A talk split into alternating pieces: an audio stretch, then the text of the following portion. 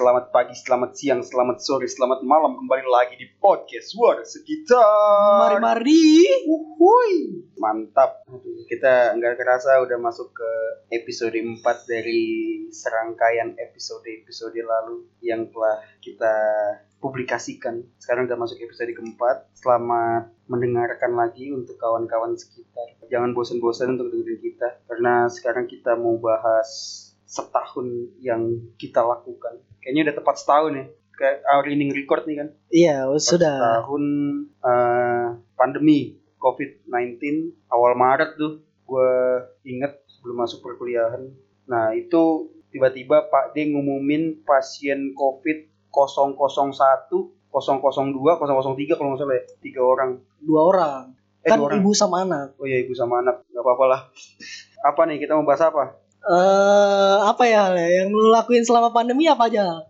gue tuh selama pandemi kegiatan gue biasa lah eh karena awal-awal pandemi tuh kuliah masih onsite ya seminggu ya Iya, masih onsite. masih di kampus seminggu tiba-tiba keluar psbb tahap satu ya udah eh gue awal-awal daring. Eh maksudnya kuliahnya kuliah daring gitu loh. Nggak keluar rumah hampir selama dua minggu ya. Karena gue ngelihat di tv waktu itu di tv-tv di media kayaknya serem banget anjir covid-19 maksudnya Iya. ada yang sampai jatuh gitu kan di Wuhan. Aduh. Tapi hal ini juga menjadi salah satu kegiatan yang ini sih banyak dilakuin gitu kan. Karena mahasiswa ya daring ya kan. Maksudnya banyak dilakuin oleh para, mahasiswa. Terus kantor-kantor juga WFH work from home gitu di tengah ya kondisi kayak gini kan bisa bikin malas juga ya budaya malas gitu loh Iya, pastilah. Karena hal yang banyak yang dilakuin itu pasti ya untuk biar nggak males itu biasanya lu ngapain tuh? biasanya gue gue baca buku Hmm, nonton YouTube ya kan dengerin musik ya gitu-gitu aja lah kalau lu ngapain emang kurang lebih sama sih. Iya emang kita sama. Menikmati, menikmati waktu-waktu yang biasanya sibuk kan ke kampus, bener. Terus Maksudnya, ya, tugas. new normal. Maksudnya Iya. bener-bener ka- eh, hal yang di luar ekspektasi kita tapi emang budaya malas itu yang budaya malas itu tadinya orang orang-orang kita ya terutama orang-orang Indonesia itu udah males. Ditambah ada pandemi ya kan. Work from home eh, PJJ ah itu tambah males banget itu. Semakin menjadi-jadi ya. Semakin jadi begitu ada apa sih apa lagi?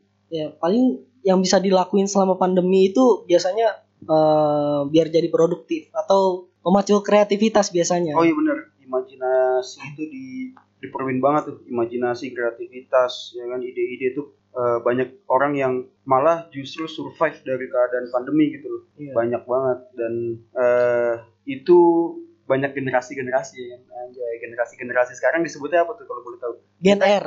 apa tuh gen Tahu Gen R gak? gak tahu apa itu Generasi rebahan. wah anjing Sama ada lagi Gen SS. waduh gen SS gen screenshot Bukan. Oh, bukan. Generasi scroll sosmed. Wah anjing, iya tuh, itu gue banget tuh. Scroll sosmed Iya ya kan? Instagram, Twitter, scroll aja udah. Kerjanya gitu-gitu doang gitu. Di kasur love. kan. Selimutan. Nggak mandi lagi Nggak seharian mandi. penuh itu. PJJ ya kan? Iya. Buat ngapain? Buat apaan mandi? Nggak perlu rapi-rapi. Nggak perlu rapi-rapi, on cam yang penting cuci muka, ya kan? Pasti. Kalau lagi masa perkuliahan. Nah, selain itu kan ya yang tadi gue sebutin kita kan WFH gitu kan, entah itu kerja di rumah orang tua kita, bahkan ada beberapa kasus eh, PHK ya, Banyak. banyak itu banget banyak yang di banget. PHK kasihan juga sih tapi ya namanya keadaan lagi kayak gini kan ya WFH terus eh, kuliah online belajar adik-adik kita tuh kalau adik gue belajar di rumah gitu kan. Zoom via Zoom ya. iya via Zoom sama via Google apa sih namanya Google Meet. Google enggak Google Classroom ya kalau Oh iya Google. Classroom ya. iya tuh adik gue tuh Google Classroom gitu tapi ya udah yang tadinya bener yang tadinya males jadi tambah males gitu kan megang HP ya mereka Mm. maksudnya megang HP megang laptop jadi kayak ya udah kesempatan aja ini kagak belajar malah main game aja Iya, ya paling kegiatan belajarnya cuma dipakai beberapa jam aja, sisanya ya udah fokus main HP. Bilangnya sama orang tua ya alibinya ini lagi kuliah apa lagi belajar gitu Iya. kan. Padahal ini lagi main, main, main game. game miring HP-nya miring bilang lagi belajar Speak speaknya Ya, gitu sih sialan. biasanya. orang tua kan nggak paham ya maksudnya ya nggak selalu paham juga kadang ya udah percaya aja lagi belajar padahal lagi rank iya, aduh mabar kan sama teman-temannya. iya apalagi ditambah bantuan kuota Kemendikbud kan Hmm. oh Ya meskipun meskipun cuma buat Google Meet sama Zoom doang sih palingan. Nggak bis- nggak bisa main game kan? Bisa ya? bisa dong Kok bisa ya? bisa Itu juga bantuan itu gue juga dapat dua kali anjir. ya setidaknya membantu Ya lah setidaknya membantu sih emang 60 giga sih kalau eh 30 ya? Nggak- wah nggak tahu deh Pokoknya segituan lah. Terima kasih Menteri, baik sekali Anda. Iya. Cuman lain kali Mas Menteri Iya, Mas- terima kasih ya, makasih. Lain kali jangan kasih kuota, kasih apa kayak gitu yang lebih ini. lu mau apa lagi Oh, iya bener. Perusahaan dia sih. Tapi di satu kasus di sekolahan adik gue itu da- bahkan dapat ini loh dapat tablet Iya. ada Wah, di anjir. sekolah lo di sekolah adik lo Wah, kagak ada anjir. Tablet beli sendiri. Kalau di oh enak juga tuh ya dapat tablet ya. enak mungkin Satu satu satu. satu satu Oh, gila. Ne nego-nego antara sekolah sama petugas Waduh. pendidikannya luar Waduh. biasa Wah, luar biasa. patut diapresiasi Patut diapresiasi itu. Eh, dinas pendidikan eh, kota lu ya. Patut diapresiasi. Emang beda sendiri kota lu itu. Dari kemarin-kemarin kita podcast kota dia paling beda. jelas Oh jelas. Eh terus sebagai mahasiswa biasanya kan ini ya apa selain kuliah online terus tugas yang serba online gitu. Banyak juga mahasiswa yang ikut itu ikut seminar. Oh iya dia kan? online webinar webinar webinar. Iya. web ya webinar diskusi online gitu kan. Tapi biasanya kayak gitu para pencari sertifikat doang sih. Iya. Udah udah udah daftar habis itu cabut gak, gak ikut biasanya udah ini ya keluar dari esensi ya Nah. yang seharusnya mendapatkan informasi, informasi ilmu, yang bermanfaat sekarang edukasi kan? sekarang eh, tolak ukurnya cuma daftar sertifikat. Iya. Udah. Sertifikat hunter hunter sertifikat kan? Jadi- wah cari nih di mana-mana iya, jadi gitu. nggak ada nilainya kan dari sertifikat itu. Mm-mm. tapi ada positif sih tadinya kan yang mungkin kalau mungkin ada seminar beberapa orang tuh suka mager gitu ya suka mager keluar rumah atau mungkin emang ya udahlah eh, eh, apatis gitu. Sekarang tuh jadi karena webinar dan aksesnya gampang kan ya udah pada ikut. Meskipun ada beberapa orang yang sertifikat hunter itu gue bilang cuma cari sertifikat aja. Ilmunya mah nggak didengerin. Bahkan dia tidur anjir ada yang tidur. Gila. Ya udah nggak apa-apa terus apalagi ya kalau yang lu tahu ada lomba online sih biasanya banyak juga tuh yang kalau gue lihat lihat-lihat di kayak di info lomba gitu kan Iya, di Instagram ya biasanya banyak Iya, banyak juga yang eh, ins- instansi yang mengadakan lomba-lomba lomba. online supaya produktif aja kali ya Iya, supaya produktif sih. oh, itu para pencari pencapaian itu namanya Bisa juga dibilang kayak gitu. Iya benar. Jadi selama Tapi bagus pandemi bagus. Cuman gua harus mencapai apa nih? Oh ikut lomba gitu kan. Bagus sih. Terus ini selama pandemi kurang lebih satu tahun ini wabah TikTok ya di mana-mana ya. Hmm, Hmm, parah. jelas. tuh. IG gue isi TikTok semua lagi. Ini aneh. Eh, Eh, explore. explore gue. Timelinenya juga timeline isinya TikTok. Tadinya semua. sebelumnya bola semua loh itu. Kenapa jadi TikTok ya? Oh, Mana TikTok yang begitu lagi? Kan mau hapus sayang juga. Maksudnya ya sayang lah gitu. Ya nggak nggak ini sih. Cuman iya tuh wabah TikTok dari yang lagunya apa ya? Pokoknya tuh lagu TikTok setiap bulan pasti ada yang hits tuh. Maksudnya beda-beda gitu. Terus jogetnya juga ya udahlah jogetnya kayak gitu. Ya gimana ya? Soalnya kan TikTok juga eh, lumayan membantu lah di situasi yang kayak gini kan. Apa? Bosan di rumah. Oh jadi kayak apa ya? terus Eh, memecah ke kegabutan kali ya. Iya, terus juga diem. eh, sebagai solusi dari berbagai sosmed lain yang emang banyak ributnya kan. Oh ya TikTok nggak ada Ya, yang ribut soalnya itu itu TikTok itu kayak pemersatu ya. Iya pemersatu. kayak wadah buat senang-senang aja gitu kan. Kalau dilihat di sosmed lain kayak ribut-ribut masalah politik eh, lah. nyinyiran, politik. Iya. Aduh, apa lambe lambe lah artis ya kan Aduh. anjing ya udahlah mendingan, Mendingan joget-joget aja kan joget-joget itu aja. lebih bagus buat kesehatan Kes- mental orang-orang. kayak kesehatan mental anjing jasmaninya sehat dia joget-joget meskipun kadang ada yang aduh kan main dah terima kasih TikTok Anda telah mewarnai satu tahun pandemi saya terus mulai juga nih ada yang coba-coba jadi youtuber ya kan Ya, buat konten ya. buat konten ya meskipun kontennya di dalam rumah sih tapi adalah yang buat konten terus podcast kayak kita nih ya. Oh, jelas. kita kan emang para pencari eksistensi kan gitu. Kita kan kita kan haus eksistensi. Kami haus eksistensi. kami butuh eksistensi di tengah pandemi. Jadi kami bikin podcast. Ya, mau ngapain lagi sih? Nah, ya itu dia. Gue bilang suara sekitar hadir karena untuk memenuhi kegabutan kita semua. Betul. Daripada gabut ya kan tidur tiduran nonton YouTube segala macam, mending kita Buat lakuin- karya. buat karya, bikin podcast. Kalian juga kalau mau bikin podcast bikin aja nanti collab sama kita. Aja. Kayak udah gede aja. Biasanya itu kan mungkin ya mungkin itu kegiatan tadi itu yang hidup di kota-kota besar ya Hmm. kan? Mungkin ya kota-kota besar. Cuman kalau eh, orang yang hidup di eh, perkampungan dalam artian enggak teknologinya nggak ini ya nggak support gitu lah ya. iya nggak support gitu kan. Kadang ada yang suka susah sinyal tuh. Hmm. maksudnya ada yang orang PJJ-nya sampai ke atas gunung. panas gunung ya kan? Wah gila sih. Perjuangan tuh. Makanya tuh Mas Menteri aduh itu wifi-nya ini dong pasang tower-tower lah di setiap daerah-daerah itu. Penting itu PJJ begini dia, dia biasanya lakuin kegiatan apa ya? Berkebun kali ya? Mungkin berkebun sih untuk mengisi waktu luang. Bisa juga. cocok tanam ya. Bertani bertani. Aduh.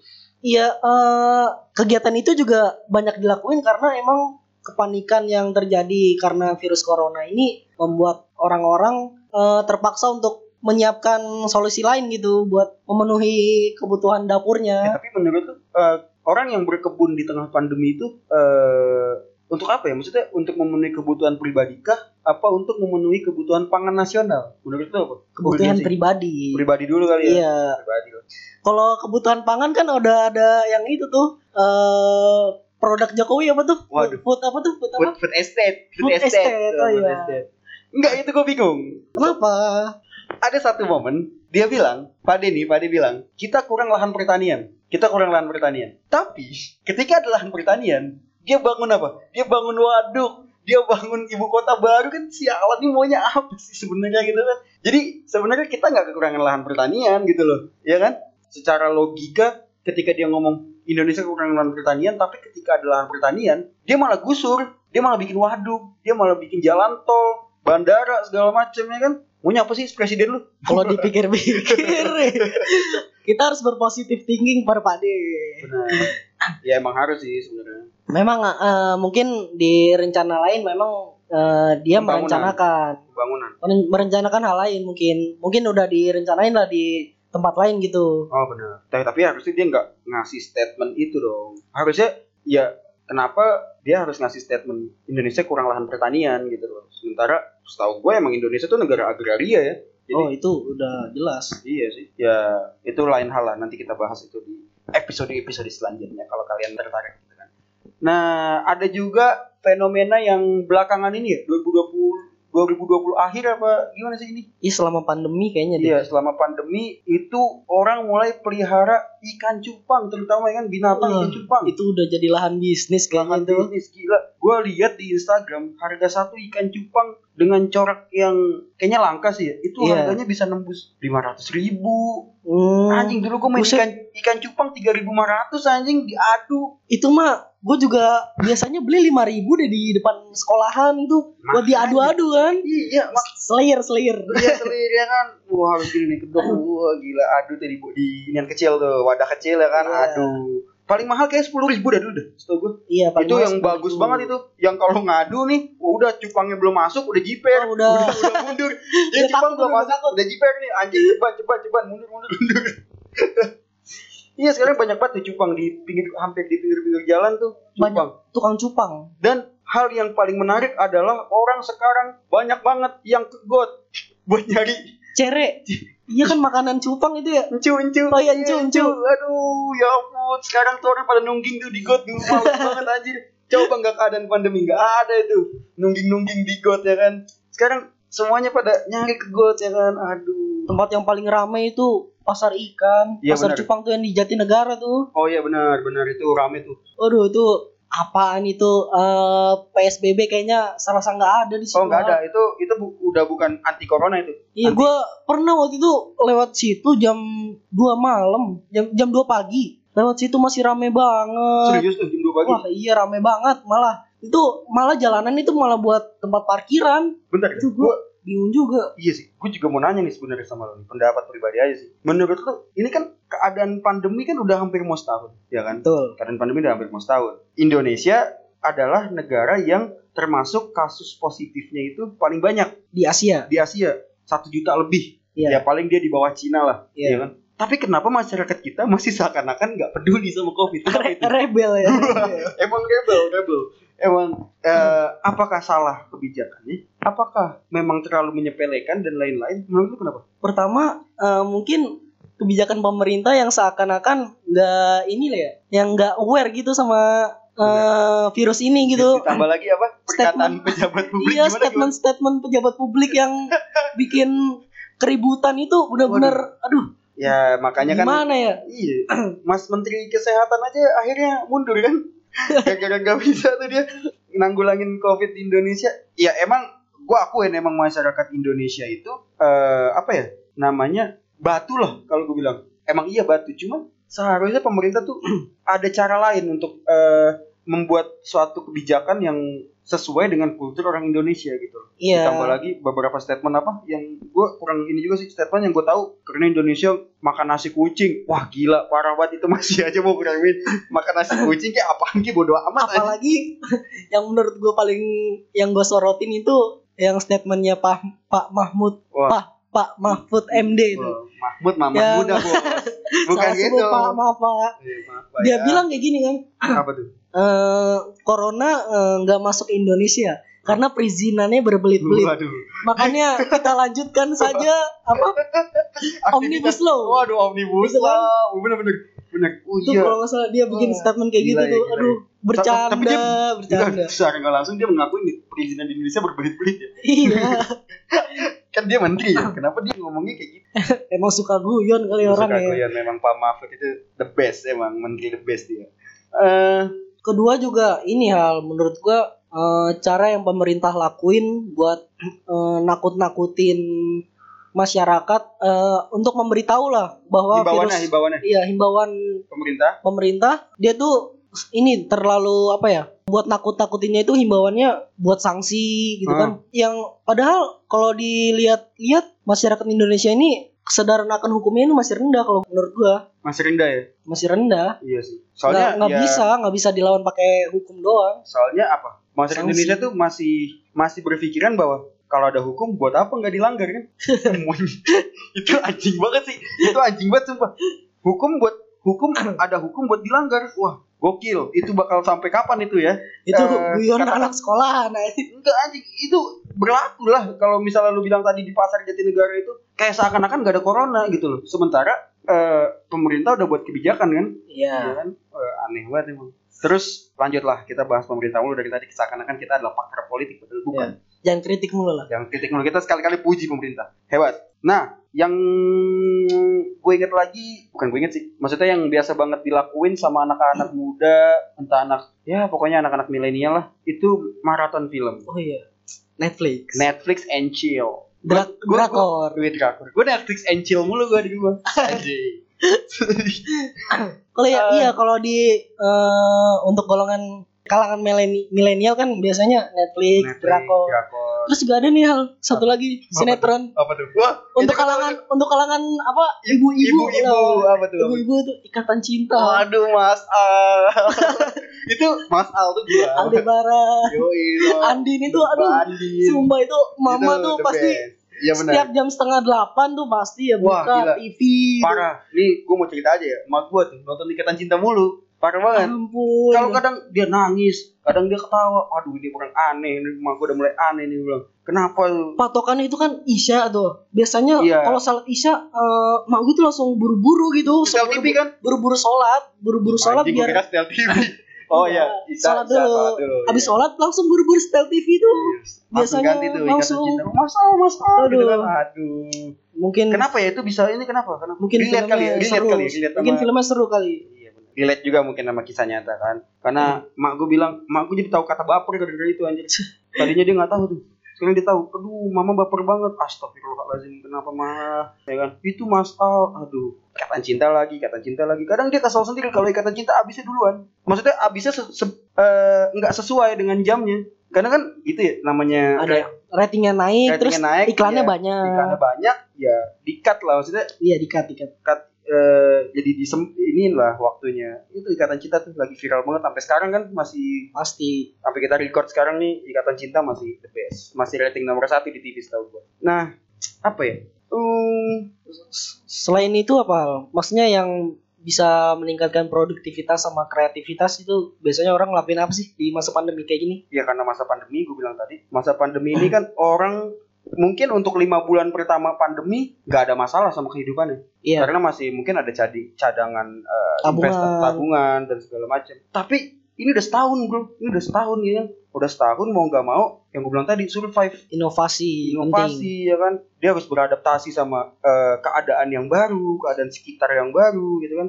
Ya salah satunya mungkin banyak yang ngelakuin bisnis ya kan? Dengan e-commerce gitu oh, kan? iya. segala macem. Ya uh, di marketplace marketplace kan Iya. di sosmed ya entah itu jual apa. Biasanya lu nemunya jual apa tuh? Yang Di- barang yang viral di masa pandemi apa menurut lu? Barang enggak sih. Kalau menurut gua eh, dibagi ke beberapa tahap. Hmm. mungkin di tahap awal itu masyarakat kalau gue lihat banyak yang mulai usaha jual makanan sama minuman dari rumah. Oh food and beverage lah. Iya.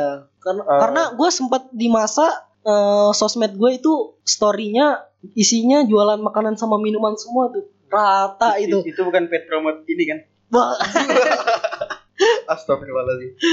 Maaf, maaf, maaf. Ya, makanan dan minuman ya biasanya eh, itu apa sih online ya Instagram ya biasanya. iya di Instagram Hmm.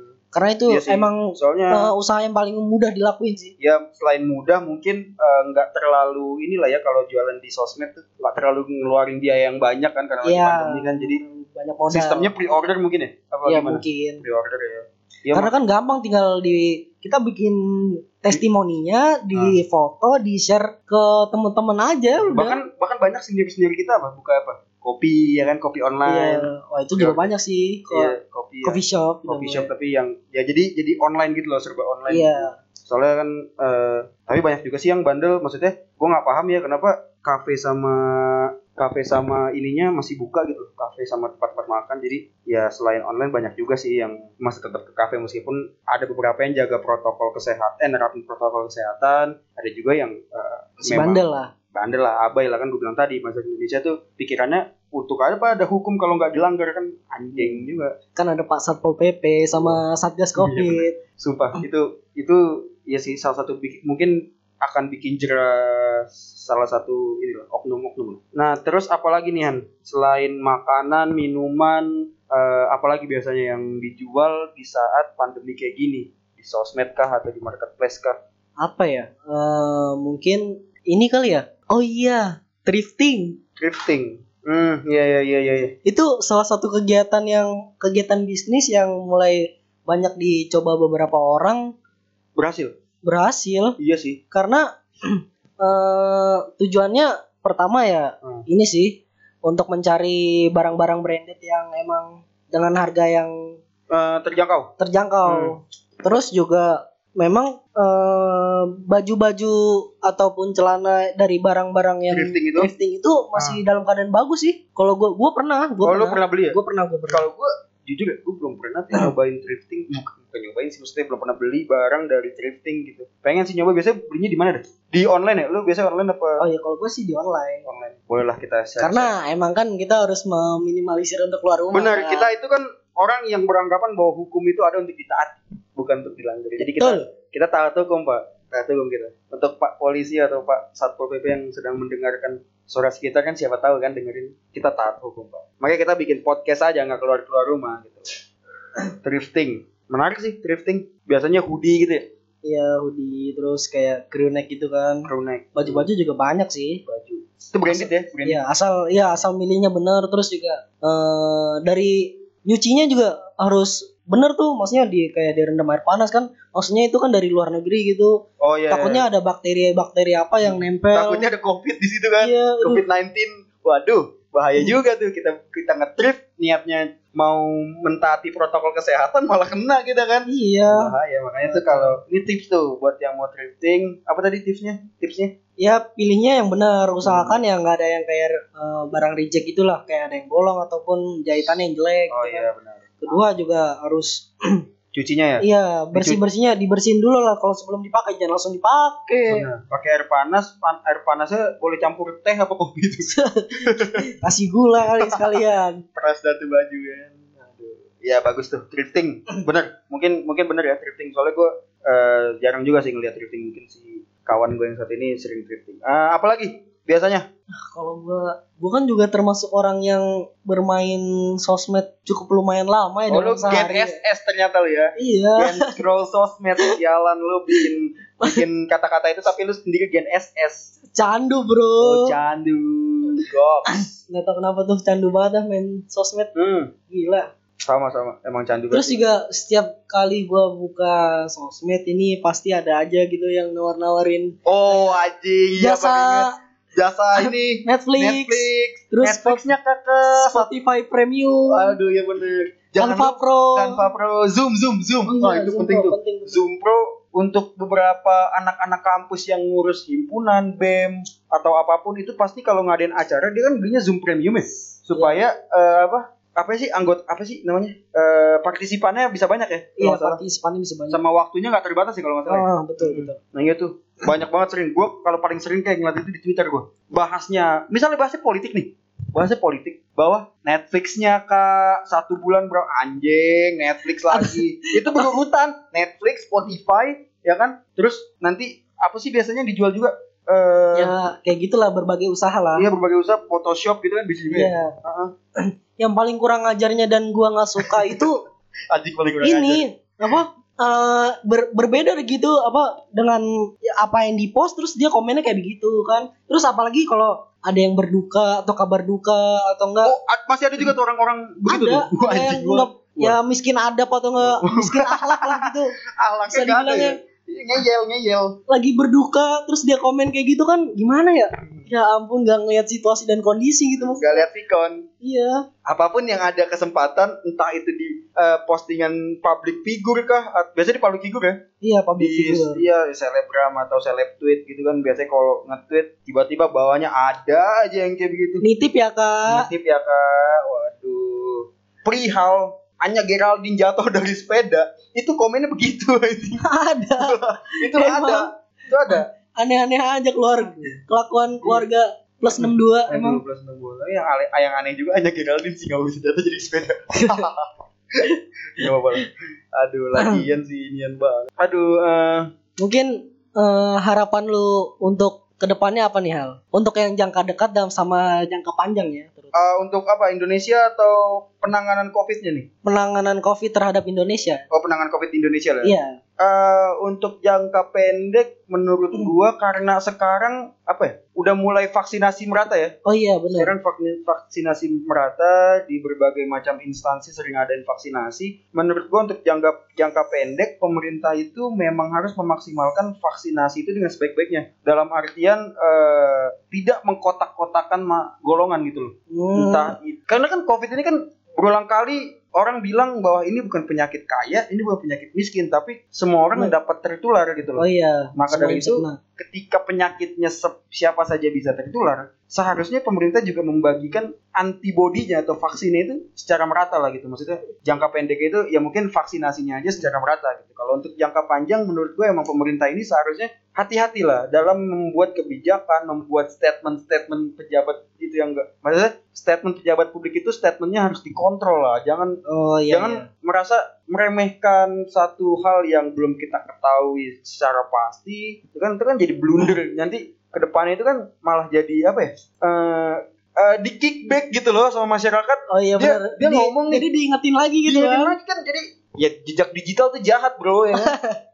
bener Jahat. sih. Jadi ketika itu ya udah di kickback loh masyarakat. Tahu sendiri masyarakat Indonesia adalah masyarakat paling tidak sopan ya. Setahu gue di sosial media ya kan itu be- berdasarkan riset ya? Itu kayak gitu emang masyarakat Indonesia itu akhlaknya gak ada. Akhlak plus miskin adab miskin akhlak. Wong sialan ya masyarakat berarti eh, kalau gua simpulin pendataan dari penerima vaksin ini harus emang betul-betul di ini lagi lah ya. Benar. Diatur lagi. Diatur lagi. Jangan sampai vaksin aja dikorupsi lagi. Waduh. Waduh waduh waduh Enggak ya, nggak bisa ya. Aku percaya pemerintah. Aku percaya karena aku taat peraturan pemerintah. Eh, mungkin untuk jangka panjangnya mungkin ini kali ya. Kalau gua eh, eh, dari eh, kegiatan vaksinasi ini mungkin udah mulai merata Hmm. eh, harapannya hmm, Indonesia inilah dari segala sektor udah kembali lagi seperti sedia kala. oh ekonominya lah ya benar benar Mulai dari ekonomi, pendidikan dan segala macam ya lah. cepat pulih lah ya cepat pulih untuk Indonesia juga untuk sistem Hmm. pendidikan ekonomi dan pembangunan secara merata gitu ya bisa jalan lagi bisa kembali seperti semula meskipun memang harus ada kehati-hatian ya tetap Iya. jaga protokol kesehatan gitu Iya. loh Eh, Ya, mungkin mustahil sih kalau apa keadaannya seperti sedia kala setidaknya lebih baik dari uh, setahun inilah. Kalau menurut gua kayak gitu ya gua kan juga sempat ini ya, nulis ya tentang covid gitu kan harapan gua ya mungkin ya memang yang harus dipikirkan itu dunia setelah COVID-19 gitu loh. Hmm. Bukan saat COVID-19 ya, tapi kita mau ngelakuin apa setelah ini gitu loh. Kita mau gimana setelah hari ini. Nah, itu dia tuh yang harus kita, eh, dipikirin sama pemerintah dan dipikirin sama kita juga. Kita mau ngelakuin apa setelah setelah masalah setelah badai ini berlalu, kita mau ngelakuin apa gitu kan. Harus ada grand design tersendiri lah ya oh, iya, ke depannya kayak gimana. Benar, harus ada ya, inovasi. Benar kata lu inovasi, adaptasi itu penting banget di masa pandemi karena kalau nggak kayak gitu ya mati lu. Lu yeah. mau iya. ngapain lagi lu mati udah di Indonesia. Apalagi di Indonesia gitu loh yang memang gimana ya gue juga susah sih jelasinnya tapi ya lu di Indonesia kalau lu nggak inovatif lu nggak adaptif sama keadaan sekarang udah lu selesai lu covid emang udah bener-bener jadi rintangan paling berat di hidup lu gitu apalagi kan mungkin mungkin cukup kali ya untuk Waduh, uh, kegiatan yang banyak dilakuin warga Indonesia selama setahun ini. Nggak serius-serius banget nggak kaku nggak kaku-kaku banget karena kita bahas memang memperingati uh, satu tahun yang lalu pandemi masuk Indonesia gitu kan. Betul. kita meri me playback lah ya istilahnya. Iya mengulas lah. Mengulas kembali terus kita ngasih saran juga nah tadi di, di penghujung ya kan? Mungkin sekian. Terima kasih buat kawan-kawan sekitar yang udah mendengarkan podcast ini di mana pun kalian berada. Tetap dengerin podcast suara sekitar. Ditunggu episode selanjutnya. Mari mari uhui